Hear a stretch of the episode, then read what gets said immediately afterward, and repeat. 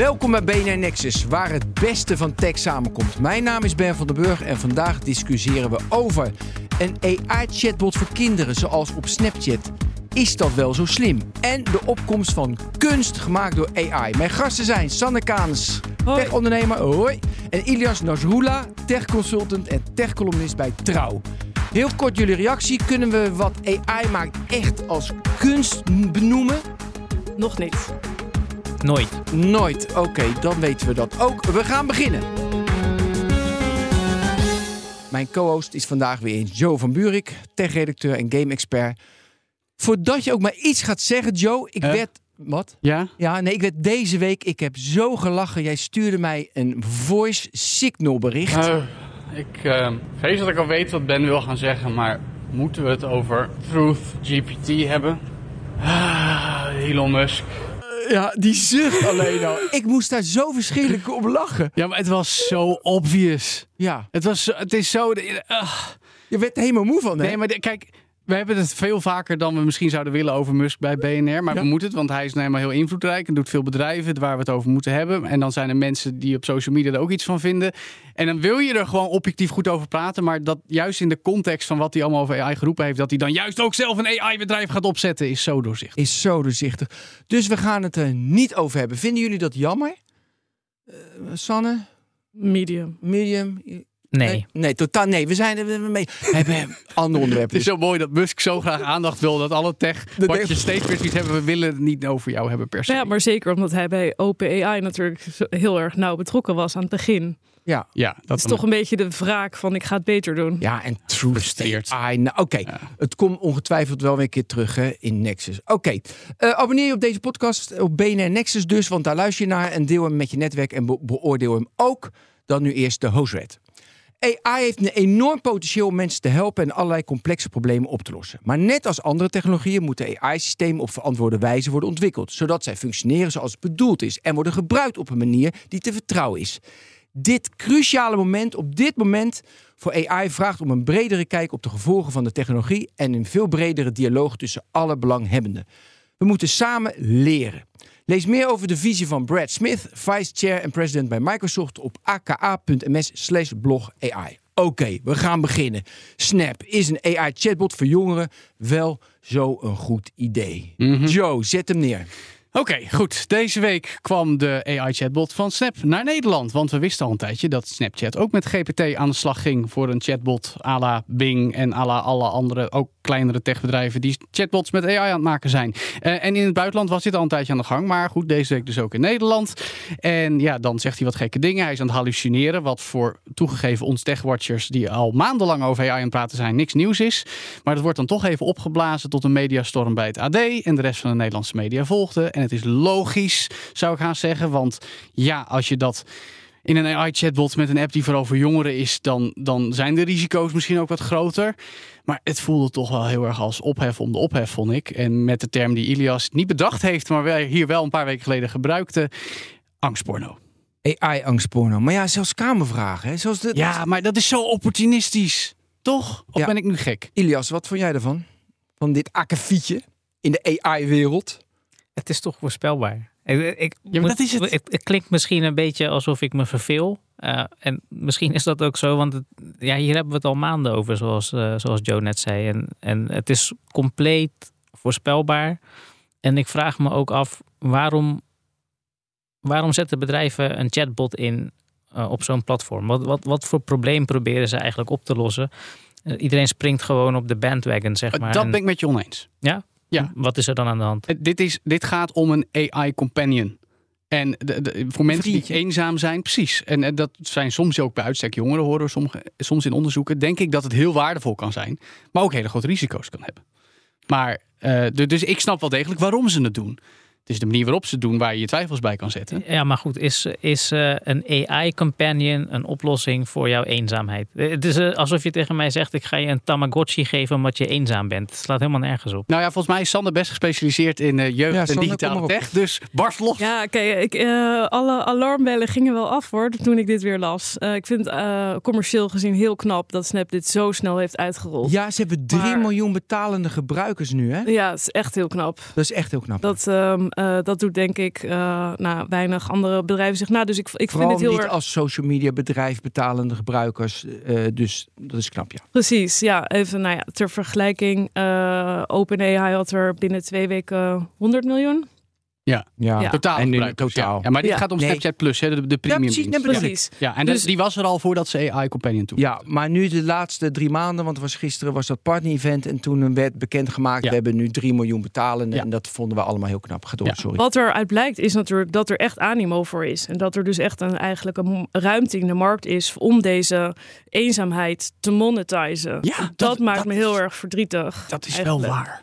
Dat mensen dus liever als hun vriendje, liever eh, een bot verkiezen dan met hun ouders, hun zusjes, hun leerlingen of wat dan ook, eh, vriendjes in de klas praten. eh, en dus eigenlijk deze heur robot verkiezen. Dat, dat maakt mij gewoon heel erg. Waarom maak je dat verdrietig en terug? Nou, ik denk dat wat ons menselijk maakt en wat het leven de moeite maakt, is denk ik toch de relaties die we opbouwen. Ehm, en waar we uiteindelijk eh, het meest op terugkijken als ik alles eh, wat ik heb gelezen van de Stoïcijnen en alle literatuur over de sterfbed, zijn het de relaties de mensen die je hebt leren kennen en de herinneringen die je hebt gemaakt.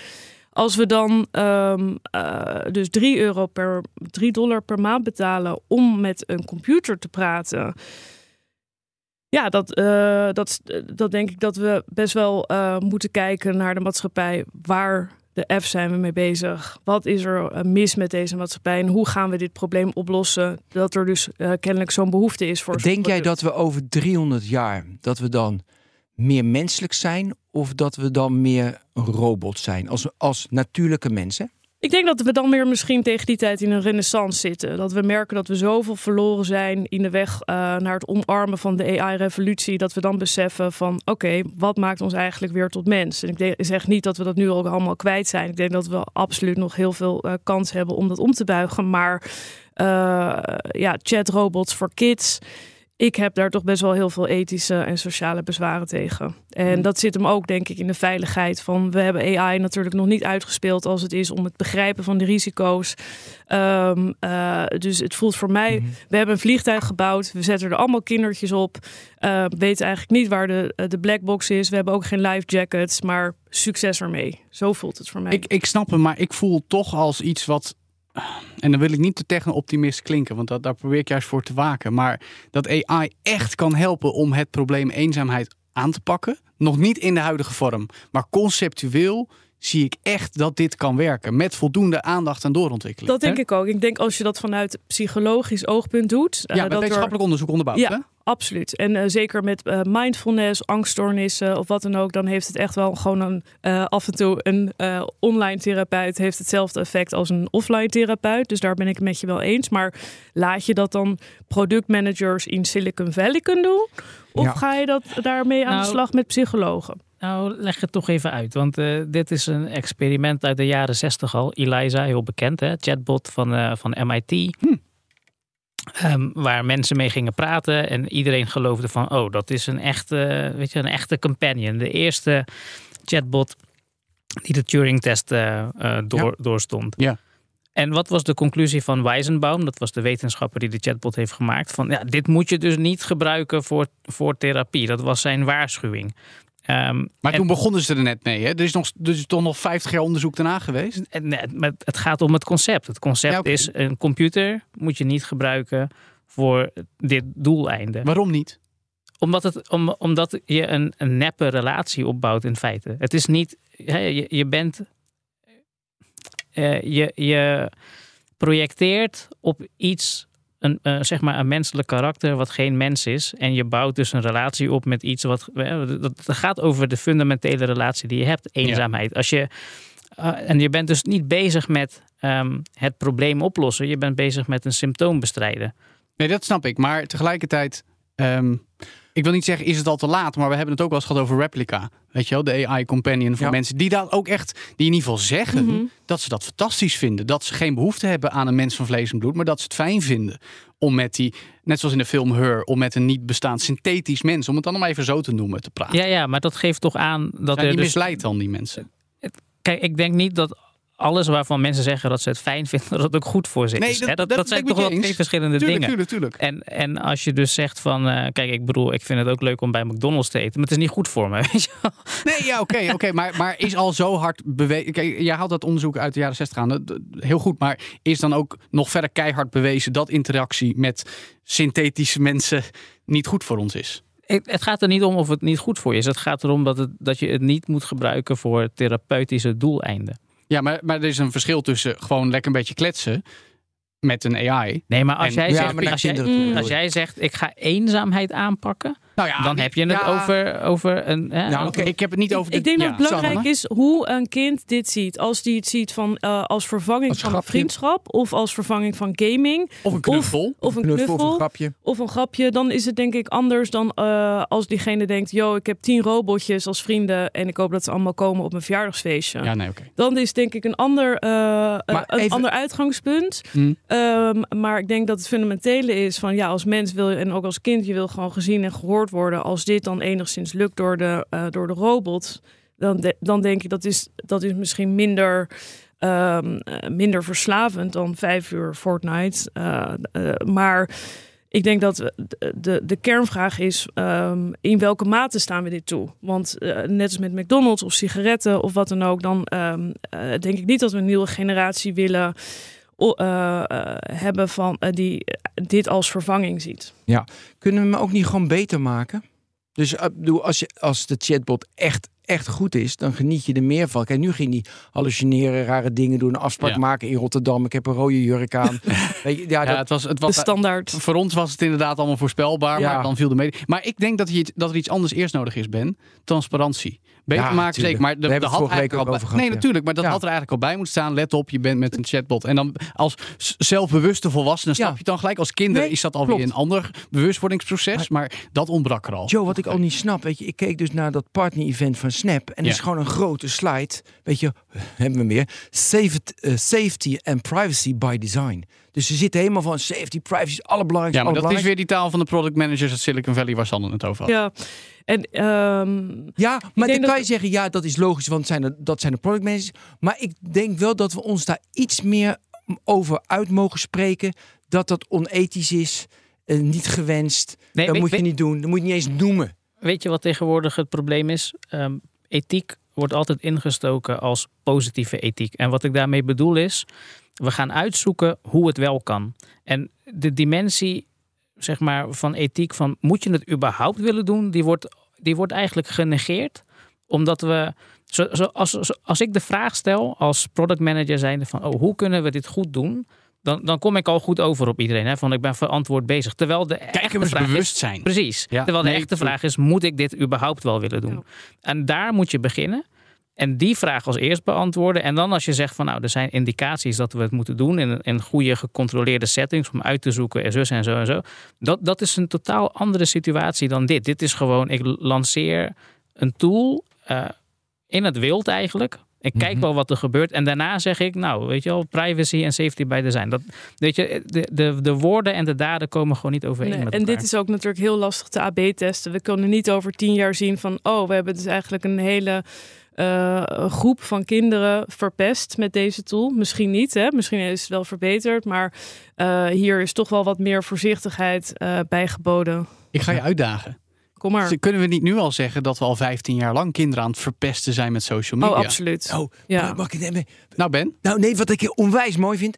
eh, ik ken zeg maar in 12, 20, 12, 13, 14. Ik heb collega's, die hadden dan kleine kinderen. Die zeiden: ja, ze, ze moeten leren omgaan met technologie. Onbeperkt. Je mag alles doen, alles doen, alles doen. De Ben van de Burgschool. Maar nu, weet je, heb je bij iedereen: ja, kom op, weet je, kinderen niet. Maximaal Ik, half ik uur. heb bewust mijn zoon, nu bijna Ja? een peuter al, naar een heel analoge kinderopvang gestuurd. Zie Met je? houten speelgoed, geen schermpjes. Ja. Heb ik echt een heel bewuste Ja, keuze nou, in gemaakt. Ik sprak gisteren een tech-investeerder en die, eh, die zoon mocht wel op TikTok, maar wel op een burnerphone. Ja, Ja. dat snap ik. Dus, maar Ja. die kan, dus dat is totaal zo erg is het dus. Nou, hè? en ik ken dus ook mensen die dan zeg maar 29 zijn en die zijn dan zo blij dat ze niet in het 24/7 tijdperk de adolescentie hadden. Er zijn dus onderzoeken dat dus eh, ze met mensen die in 2000 geboren zijn, dus precies de adolescentie hadden toen Facebook en Insta groot werden. way off. Ja. die hebben het best wel lastig. Nu worden, krijgen we pas dat bewustzijn van... eh, beetje Precies, en dat Onhandig. is denk ik heel lastig, want wij zijn analoog opgegroeid. En dus de, de ouders van nu, die, eh, die kennen allemaal een analoge eh, opvoedtijd. En die moeten dan wel kinderen opvoeden in een digitale, in het digitaal tijdperk. moeilijk. Dat is denk ik natuurlijk gewoon echt het eh, groot verschil. Ik heb nog net de overgang van zwart-wit televisie naar eh kleurentelevisie meegemaakt. Dat was een beetje de grootste disruptie in mijn leven, mijn kindertijd.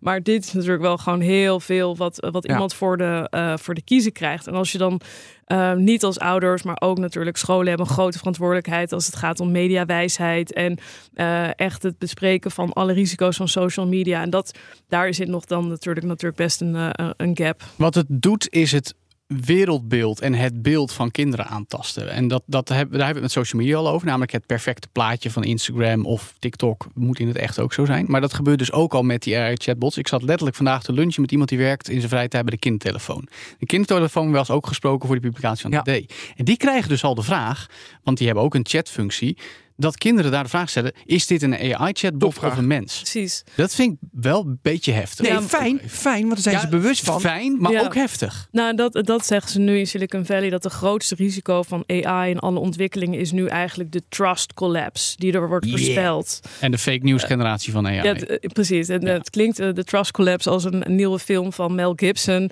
Maar ehm, eh, het is natuurlijk wel gewoon wel degelijk gewoon iets waar we zorgen moeten maken. eh, denk ik van wat is nog echt, wat is, eh, wat is nep en hoe richten we de samenleving zo in dat er niet de hele tijd iedereen paranoia is van of je nou, ja, ik had een stagiair. echt of? Die heeft alles met ChatGPT laten doen. Ja, ik wist nu nou niet of ik een. eh, eh, of ik nou trots op moest zijn. Dat, Of niet, ja. of niet. Maar het is meer dat je gewoon eigenlijk continu gevoeld wordt of zo. En of dat nou een, een, op kleine schaal is met een, met een recept wat door ChatGPT gemaakt wordt. Of een heel wetboek Ja, wat bij ja. elkaar gemaakt wordt. Ja, Ben. Ik wil toch even, weet je, dus onder de 13 mag je niet op Snap natuurlijk. Dus het is van 13 tot 18, dat zijn kinderen en dat is vervelend. Want, eh, nou, maar hoe, ja, misschien de verkeerde vraag, maar hoe erg was het nou dat, is dit allemaal daadwerkelijk, d- dit incident hè? Dus dat, eh, dat je mensen dopamine verslaafd maakt op, eh, op TikTok en Insta, dat snap ik. Het gaat even om hallucinerende AI die nu- met kinderen. Juist. Eén, weet je wat? Ja, dat is eigenlijk nog tussen aanhalingstekens het minste probleem, nou, precies. denk ik. Flauw nee, gezegd. Nee, maar, maar daarom, weet je wat, nu blazen we dit heel erg op. Ja, joh, Nee, nee, maar kijk, wat wij, wat wij nu volgens mij de afgelopen 15 minuten gedaan hebben, is zeggen, ja, leuk die verhalen, maar dat is niet het echte probleem.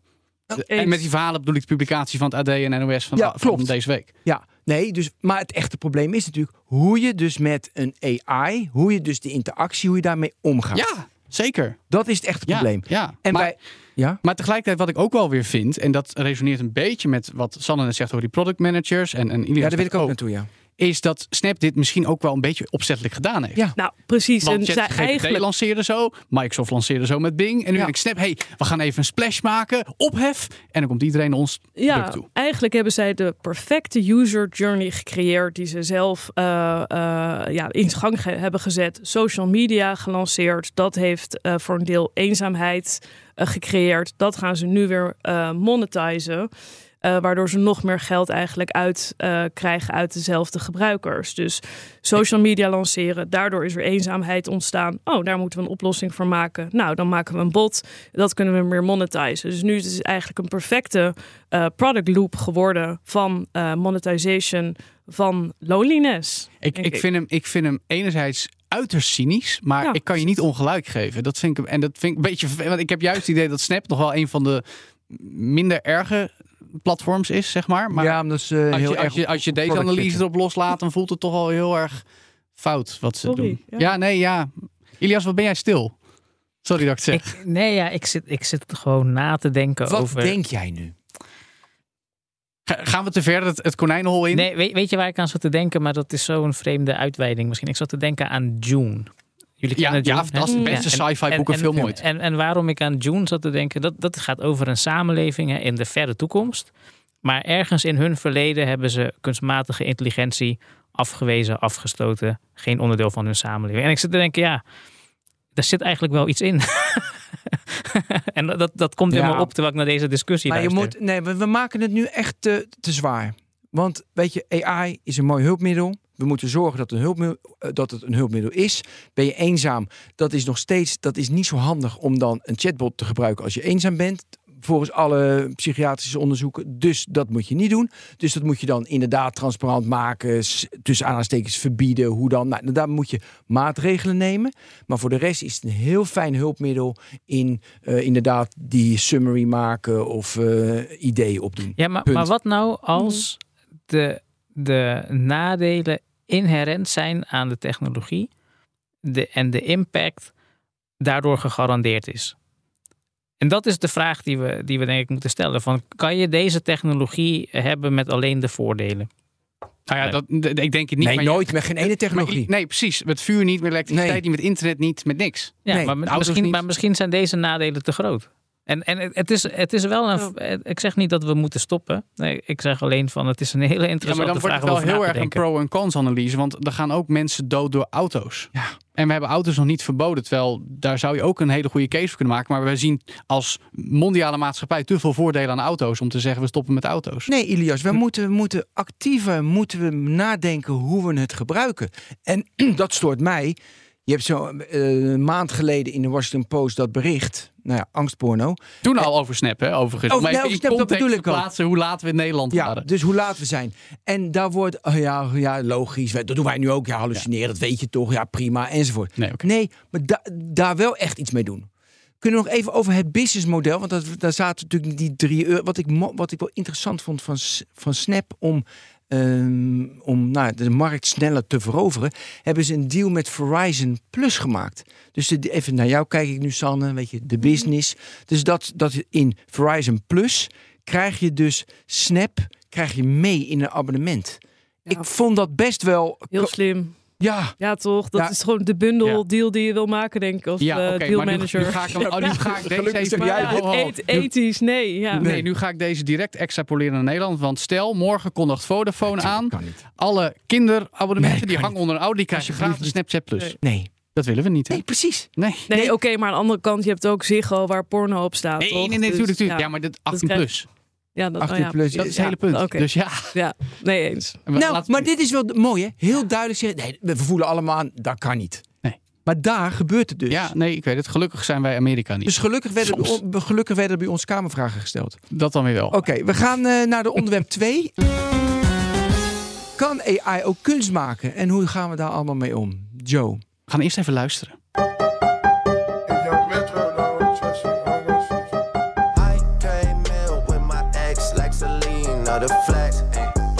Ja, daar horen we Drake en The Weeknd in Heart on My Sleeve. Tenminste, hoorden we echt Drake en The Weeknd, want Echt het ging wel nummer. viral. Ja, nee, ik, ik, in het begin had ik er niks mee. Hoe vaker ik het hoorde, ik heb het inmiddels vaak gehoord dat ik het moest monteren.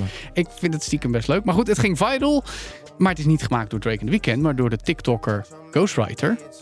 En waarom weten we nog steeds niet. We weten alleen dat Drake er not amused over gereageerd heeft. En zegt, ah, dit is de druppel AI. Platenmaatschappijen zoals Universal dreigen dat platforms als Spotify AI-muziek keihard moeten weren. En we hebben een nieuwe discussie.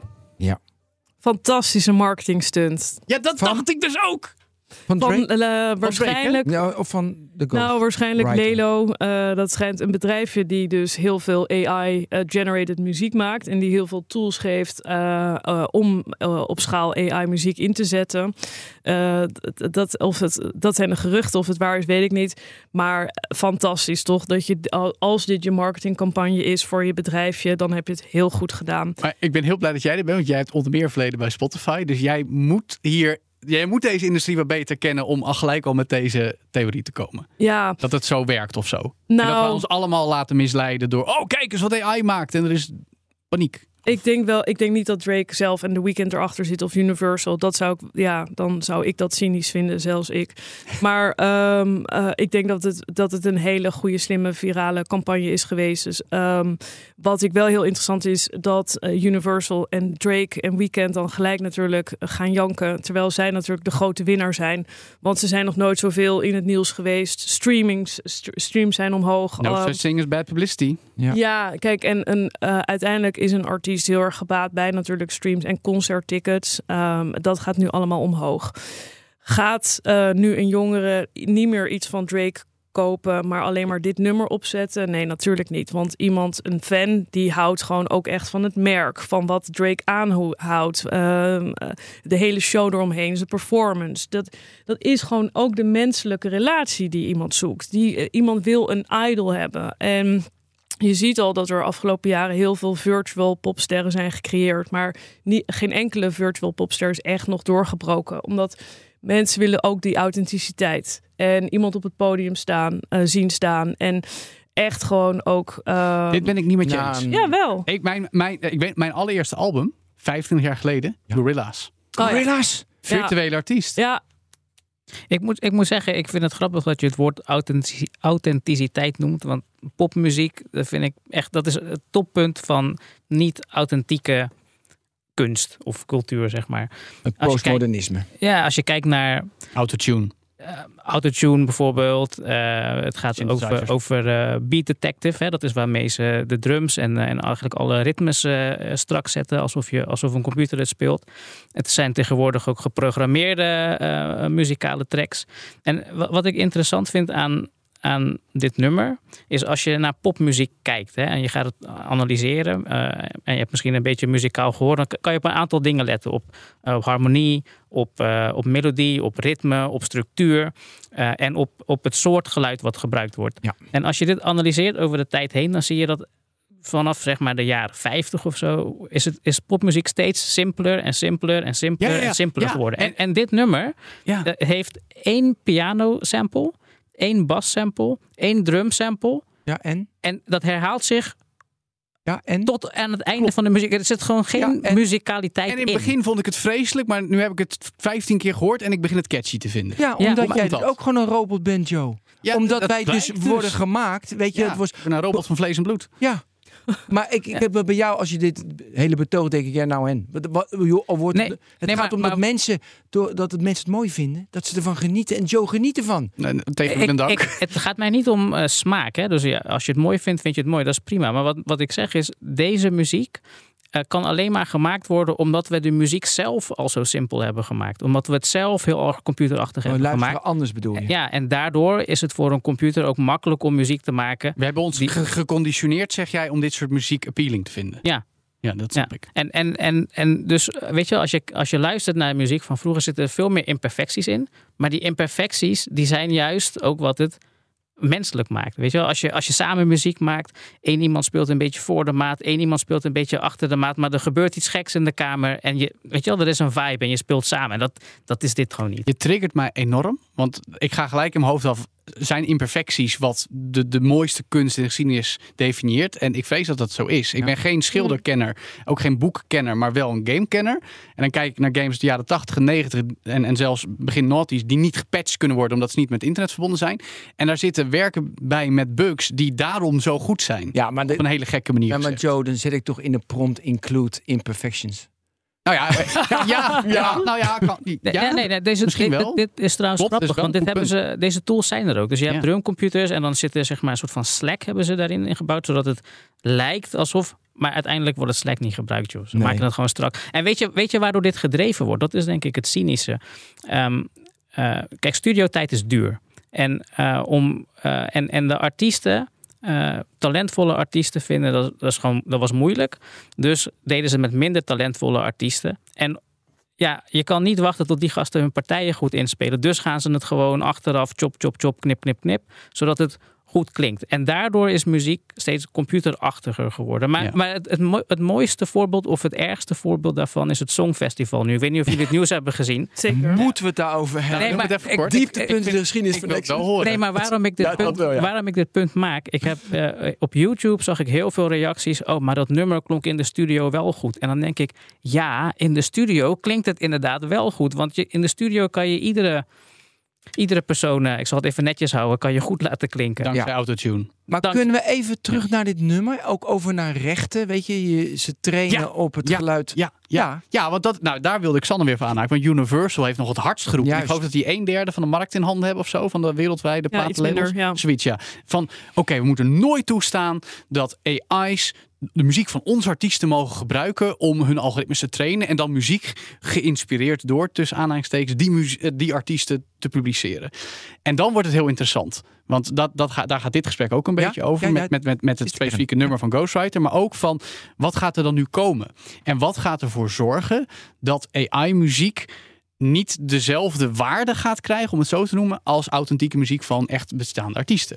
Ja, en heel dat, graag, en maar jij- dat is denk ik hoe de muziekindustrie in elkaar zit. Het is niet alleen maar streamen van achter je, eh, achter je computer, maar het merendeel van, eh, ja, van de meeste artiesten die verdienen hun geld nog steeds met concerttickets en eh, live optredens. Dan zeg maar de top en de middentop. Ja. Hmm. Dus ehm, ehm, als je een AI-gegenereerde artiest bent, dan ja, dat is een leuke bijverdienste voor wat liftmuziek. Maar dat zal nooit natuurlijk echt een topartiest worden. Ja, Nou ja, tenzij, totdat ze zo goed nee, nou ja, worden. ja, eens. Maar mijn, mijn punt daarvan is dat het fysieke samen zijn ook voor de fans heel erg belangrijk is. Die fanrelatie tot de artiestrelatie is gewoon iets wat, ehm, eh, wat met muziek en de live ervaringen heel erg belangrijk is. Of het nou een simpel eh, dansje is op een techno Hmm. beat van twee, eh, eh, twee tonen. intrinsiek onze menselijke behoefte om Precies. met elkaar fysiek samen te zijn en muziek te ervaren. Ja, en we hebben dat natuurlijk ge- eh, een beetje ge-AB-test van kun, kan online dat vervangen en kan je ook niet een techno. eh, nee, sorry, met, eh, met COVID. dat al die online feestjes er waren. Oh ja. Van joh, we gaan allemaal voor de camera dansen. We hebben nog steeds een heel erg leuke soort van lamparty met techno festies. Dat is het gewoon niet. Nee. Dus Nee. die behoefte zal altijd bestaan. Dus daarom denk ik altijd, dus pertinent zal de muziekindustrie niet omvallen door wat AI Nee. eh, Ik ga een voorspelling doen. Ik ga een voorspelling doen. Deze muziek, eh, muzieklabels die gaan zelf AI omarmen. Ja, dat durf ik. Want, weet- ja. en, we- tuurlijk. en, en waarom? Omdat het gewoon Goedkoper goedkoper, is. produceren, ja. Ja, Ja, zoals Jongens. Het, kijk, Ben. muziek is, heeft zero marginal cost. Het kost niks. Je kopieert, want je zet een AI neer, er komt muziek uit. Je test het, test het, test het wat appealing is bij Joe. En dan denken ze, top. Dus de, de, het gaat niet om een te, over een deuntje, een toontje. Het gaat over Drake. Dat is, een, dat is een personality. Het gaat over die concerten die je... Het gaat over de brand die je bent. Dat is het. Dus uiteindelijk gaat het over de output. Wat uiteindelijk krijg je eruit en welke waarde kan je krijgen. Dus ik denk uiteindelijk dat Drake, wat jij zei, heel veel voordeel heeft. Want hij wordt nog bekender, nog weer, eh, nog weer groter. En kijk, nu was in dat nummer was niet de naam Drake eraan vastgeplakt. Hij krijgt nu heel veel free publicity enzovoorts. Maar het zou natuurlijk, want die muziekindustrie die wil natuurlijk wel, weet je, gelicenseerd hebben die muziek. Als het wel echt op Drake lijkt, maar dat krijgen ze volgens mij nooit voor elkaar. Van hé, hey, dit, eh, dit stukje muziek, dat lijkt, daar komen je rechtszaken van. Kijk, als je Ja, maar tegen wie van je dan het rechtszaak aan? Ja, kijk, Ja, als dat, je- is ook, dat is ook een goede Nou? vraag. Tegen OpenAI? Nee, kijk, als jij een sample hebt, een sample wat echt duidelijk Drake is, dat heeft Drake ooit, daar heeft hij het recht op. Dat is een sample. Als ik, als ik dat nu letterlijk kopieer en ik, en ik gebruik dat, ik load het op op YouTube, dan zegt YouTube, ja, je moet betalen Ja. voor, die, voor die ene sample. Ja? Precies, dan, maar dan is het duidelijk dat jij de gebruiker bent. Maar stel dat je honderdduizend scholieren hebben, eh, hebt die dat continu gaan eh samplen van yo, ik wil zelf mixen maken. Ja, die gaan zelf mixjes maken Nou. op basis van OpenAI. Nou, als dus de output, de, de Right. uitkomst te veel lijkt op die sample waar hij recht Ja. op heeft, dan Ja. kan er niet geüpload voor even YouTube heel makkelijk. Als er honderden zijn, als Ja. het heel erg afwijkt, Ja. dan hoeven ze die rechten niet te betalen. Klopt. Dus Maar hier is een oplossing voor. En die Ja. hoorde ik in de analyse van onze favoriete Amerikaanse tech-analyst, Ben Benny. Thompson. Want die zei, dit eh, benadrukt meer dan ooit het belang van verificatie op platforms. Of je nou Spotify heet, Ja. of YouTube, of Meta, of zelfs Netflix. Er gaat vroeg of laat, dit jaar of over vijf jaar of over tien jaar, een influx komen van AI-generated content. Die komt. We weten wat je al zegt. Platenlabels gaan dit zelf vroeg of laat ook doen. Ja. En de enige manier om dan de waardeonderscheiding voor de consumenten te behouden, is door keihard te verifiëren. Door blauwe vinkjes, niet tegen betaling met witte bloep per Mhm. se. Maar dat doet Spotify nu al natuurlijk. Hè. Dit is de echte Drake vinkje. ja, Ja, precies. Maar ook de contentverificatie, denk ik. Ja, wat, ja, wat je natuurlijk bij YouTube zag, is al, al die ehm, eh, illegale eh concert-uploads en zo. En eh, heel veel artiesten die streden daar met eh eh, man en macht tegen, eraf halen. De vraag is eigenlijk, ik denk dat we van toen ook geleerd hebben, van is het niet een manier van hele goede promotie ook voor je? Eh, ja dus- maar dat zegt Spotify. Maar ik wil nog even terug. Ja, nee, kijk. Dus naar mijn idee mag je alle muziek gebruiken om te trainen. Het is echt onzin dat dat niet mag. Ja? Want je maakt Daar nieuwe wil ik zo reageren. Nee, ja, daar ben ik het ook niet mee eens, Ben. Want, Ja, want, mag ik even Ja, afmaken? maak maar af, maak af. Oké, en dan uiteindelijk lijkt het te veel wat je output is op een, eh, op een licentie die iemand heeft. Dan moet je betalen. Is het echt anders, dan is het prima. Maar waarom mag je volgens jullie niet trainen op die muziek? Want het is anders. Je haalt er iets anders uit. Maar Nee, Dus- het, omdat, wil ik. omdat je dat doet met een commercieel, eh, commercieel oogmerk. En dat, dat, is- dat is gewoon reden genoeg al. Dus je, je doet dat niet gewoon omdat je een model wilde maken, maar je doet dat omdat je dat model wilde verkopen. Op de een of andere manier. Ja, maar dat Ja. hangt er dus vanaf. Want wa- hoe ik jouw eh, Ja, stelling van net interpreteer, is een, een nog veel meer filosofische vraag. Namelijk, eh, wij robots van vlees en bloed, waar halen wij onze inspiratie en ideeën vandaan? Dat doen we ook de andere dingen te waar te nemen, te luisteren, te lezen, te horen, te zien, whatever. zo mijn vriend, hè, die Joe. Ja, nee, maar dit is toch zo? Ja, nee, maar eens. dus je kan Nou, maar ik, dis- ik ben het wel met Joe eens. Want als je nu Ja. een pianist bent, dan ga je, wil je toch ook eerst eh, Tchaikovsky en Bach en Mozart helemaal uit je hoofd leren en zo. En uiteindelijk ga je dat gewoon mixen. Ja. En dan is het toch vol- volgens het Latijn van eh, translatio. Je gaat eerst vertalen, wat heb je allemaal gehoord? Dan imitatio en dan uiteindelijk emulatio. Je gaat het verbeteren. En- dus die drie stromen zullen we denk ik altijd hebben. En heel Ja, eerlijk, dat- ik nee, maar dat- dat, dat is niet, nee, dat is hoezo? niet hoe Nee, maar- muziek werkt. Hoezo? Dat Nou, is echt hoe muziek nou, kom werkt. maar op, drie Ja, keer dit is- eens. Dit is zo een, dit is zo een vreemde eh, kijk van hoe je laat je mensen toch kunst maken. inspireren? Eh, Joe, laat even. Ja, oké, nee, gewoon- uit. Drie tegen één. Kijk, ten eerste, eh, dit is eh, hoe een mens kunst maakt. Er zijn altijd momenten dat iemand een totaal nieuwe stijl uitvindt, een totaal nieuwe sound bedenkt van alles. Hè? Dus dat, daar zit geen element in van, oh, ik heb het van hier en hier en hier en nu. Nee, dat is gewoon een puur ins- eh, pure inspiratie, pure creatie. Maar waar komt die inspiratie vandaan? En ik snap dat kan een ja, dat is een heel erg metafysische vraag. Nee, het is maar, onzin wat dat, die- maar dat, dat ga ik nu niet kunnen beantwoorden. Ja, maar natuurlijk. gaan we door. Maar, Maar, dit is ik dat het ongrijpbaar is om te zeggen waar inspiratie vandaan komt. En dat kan heel concreet zijn, dat kan heel abstract zijn. Nee, maar natuurlijk, natuurlijk is dat ongrijpbaar. Dat is toch Ja, juist het menselijke We zijn ervan. het Maar, met je maar eens, dat is, maar gaan we dat is door. het andere punt. Hè? En dat is, het andere punt is dat eh, zelfs als jij eh, bezig bent om bijvoorbeeld klassieke muziek te leren. En je leert Bach, je leert Mozart. En klassieke muziek, eh, je gaat daarna niet dat emuleren. Nee, je gaat dan zelf nadenken van oké, weet je wel, ik wil iets gaan creëren. Hoe wil ik dat het klinkt? Wat voor technieken en elementen heb ik, snap in mijn trucendoos? Maar dat is niet hetzelfde als ik emuleer eh, wat ik van, eh, weet je wel, er zit nog steeds een creatief eh, component in. Dus er is een heel mooi ehm, eh, uitspraak van ehm, Bela Fleck. Dat is een van de beste banjo-spelers ter wereld. En hij zegt, composition is inspiration and then it is craft. En Ja. wat AI niet doet, is craft. Het enige wat het doet is... Ik denk, dat ik, Include snap wat, craft. ik denk dat ik snap wat je bedoelt. En dan ga ik weer Ben Thompson aanhalen. Want dat is niet alleen iemand wie wij lezen, maar ook luisteren. En ons inspireert voor Ja. wat wij maken Ben bij BNR. En het is niet dat wij hem emuleren. Het is niet dat we hem nadoen. Maar wij luisteren, lezen wat hij schrijft en zegt. En denken, hé, hey, Ja. dat gaan wij op onze manier doen. Ja. En niet letterlijk één op één. Maar wel van, oh, dat vinden we... En dat hadden we weer van iemand anders. Maar Ah, jongens, ik- het is heel moeilijk Ja, maar ik wil even door. Want ik, dit hier hadden we eigenlijk eh, 40 minuten voor moeten nemen. Want ik heb een volgende. Kom maar. Kijk, je hebt eh, nog ruim vijf. Ja, Adobe Firefly, die zegt van nee, we gebruiken, want heel veel bedrijven, het is onze portfolio van onze foto's, wat wij hebben, we trainen alleen daarop. Want dat is allemaal rechten beschermd. Ik, ik, ik twijfel daar, dat heb ik al verteld. Maar ik ga even met jou mee, want het is even leuk om een ander bedrijf Ja, voor de goede orde, dit is de AI-beeldgenerator waar Adobe Sorry. mee komt vanuit Ja. hun beeldbank van ja, beeldbank, honderdduizenden foto's. 100.000 foto's en daar genereren ze nieuwe foto's. Dus dan kan je heel makkelijk, je hebt een foto vanuit Adobe in Photoshop en dan kan je hup, een nieuwe foto. Mooi. Zij, want dan is het allemaal protected. Ik vind dat onzin, want dat heb ik net uitgelegd. Jij vindt dat dus een goed idee. Eh, Sanne of, Nou, of ik denk dat het ligt aan uh, als je als maker je, je uh, toestemming hebt gegeven om jouw content in de soort van open source te gooien. Daar, daar hangt het van af. Dus ook eigenlijk weer de contentverificatie en dan toestemming. Ik zag een uh, tweet voorbij komen. Ja. ging volgens mij over, uh, over OpenAI, over hun uh, GPT-dataset. Ja. En dat, uh, dat ze een analyse hadden gedaan. En dat iemand zag dat er 200 miljoen keer het copyright-symbool uh, voorkwam in die dataset. Nou, dat is vrij problematisch, denk Ja. ik. en dat geeft dus aan van. Um, weet, je, weet je wat het, het lastige is aan die AI-modellen? En wat ik ook heel moeilijk vind om over te brengen aan mensen.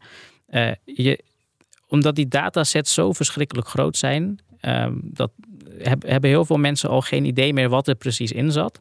En daardoor denk je dat de dingen die eh, door, de, door die AI gemaakt worden, dat ze eh, best creatief zijn. Maar dat komt gewoon doordat je eigenlijk niet snapt eh, wat, wat, die, wat, die, wat die set was die eronder lag. En dat het gewoon een, ja, een kleine variatie of, of een wat grotere variatie is op, op iets wat al aanwezig Ja. was in die data. Nu we iets verder zijn, dus ik ineens te denken, Italië, weet je, privacygegevens. Want ik zei net alles trainen, dat moet gewoon toestaan, ook als je muziekrechthebbende bent.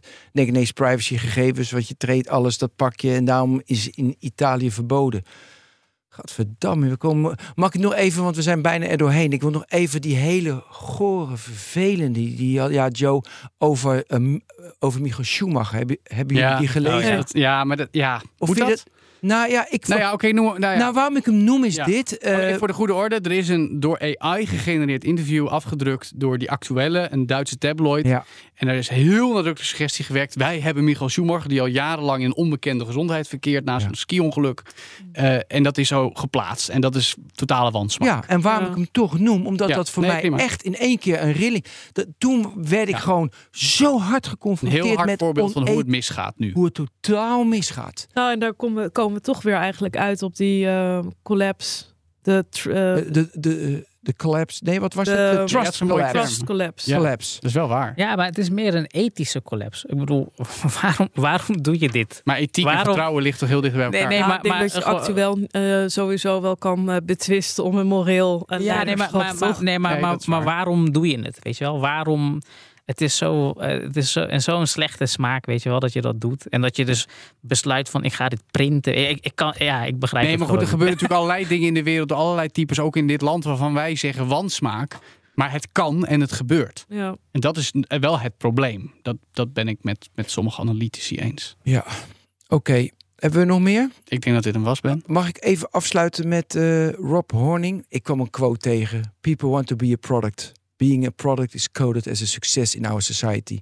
What people don't want is to be exploited or misled. En dat ging even door. En ik vond het, weet je, dat je we steeds meer een product worden. En dat zat ook in de eerste discussie, dat we daarvoor op moeten passen. eh, met de AI, met een chatbot. Ja, jullie hebben er niks mee, maar prima. Nee, ik snap je. Mag maar ik, ik, ik één, laat hem eh, inwerken. mag ik nog één kijktip meegeven? Want ik ben Oh, heel leuk. gefascineerd door eh, Arcadia. Eh, het is nu te zien op NPO 3. Het gaat over een dystopische samenleving. Eh, Vlaams-Nederlandse productie. Elke aflevering is een miljoen productiekosten. Dus zit echt heel veel Oh, Echt geld in. Oh, heel weinig. Nee, veel. dus, Ja. Dat is net zoveel als Top Gear, man. Eh, ja, is- en is Weet je wat dit kost? Ja, door, dit was inderdaad ook net iets meer. Arcadia. Maar goed, maar Arcadia het is gewoon heel erg mooi. Het gaat ook over iedereen heeft, elke persoon heeft een score. En je kan het algoritme eh, manipuleren of niet. Als je dat doet, dan word je verbannen. Oh, een beetje Black Mirror. eh, Beetje Black Mirror. precies. heerlijk Black Mirror. Maar het is echt goed. Oké, Ik ga het proberen. bedankt. Eh, dit was BNN Nexus. Ilias bedankt, Sanne bedankt, Joe bedankt. Graag gedaan. En jij bedankt, Ben. Ja, nou, heel graag gedaan. Iedere donderdagavond een nieuwe aflevering. En voor de beste nieuwe inzichten in de wereld van tech. Veel plezier. Hoi. BNR Nexus wordt mede mogelijk gemaakt door Microsoft. Empower every person and every organization on the planet to achieve more.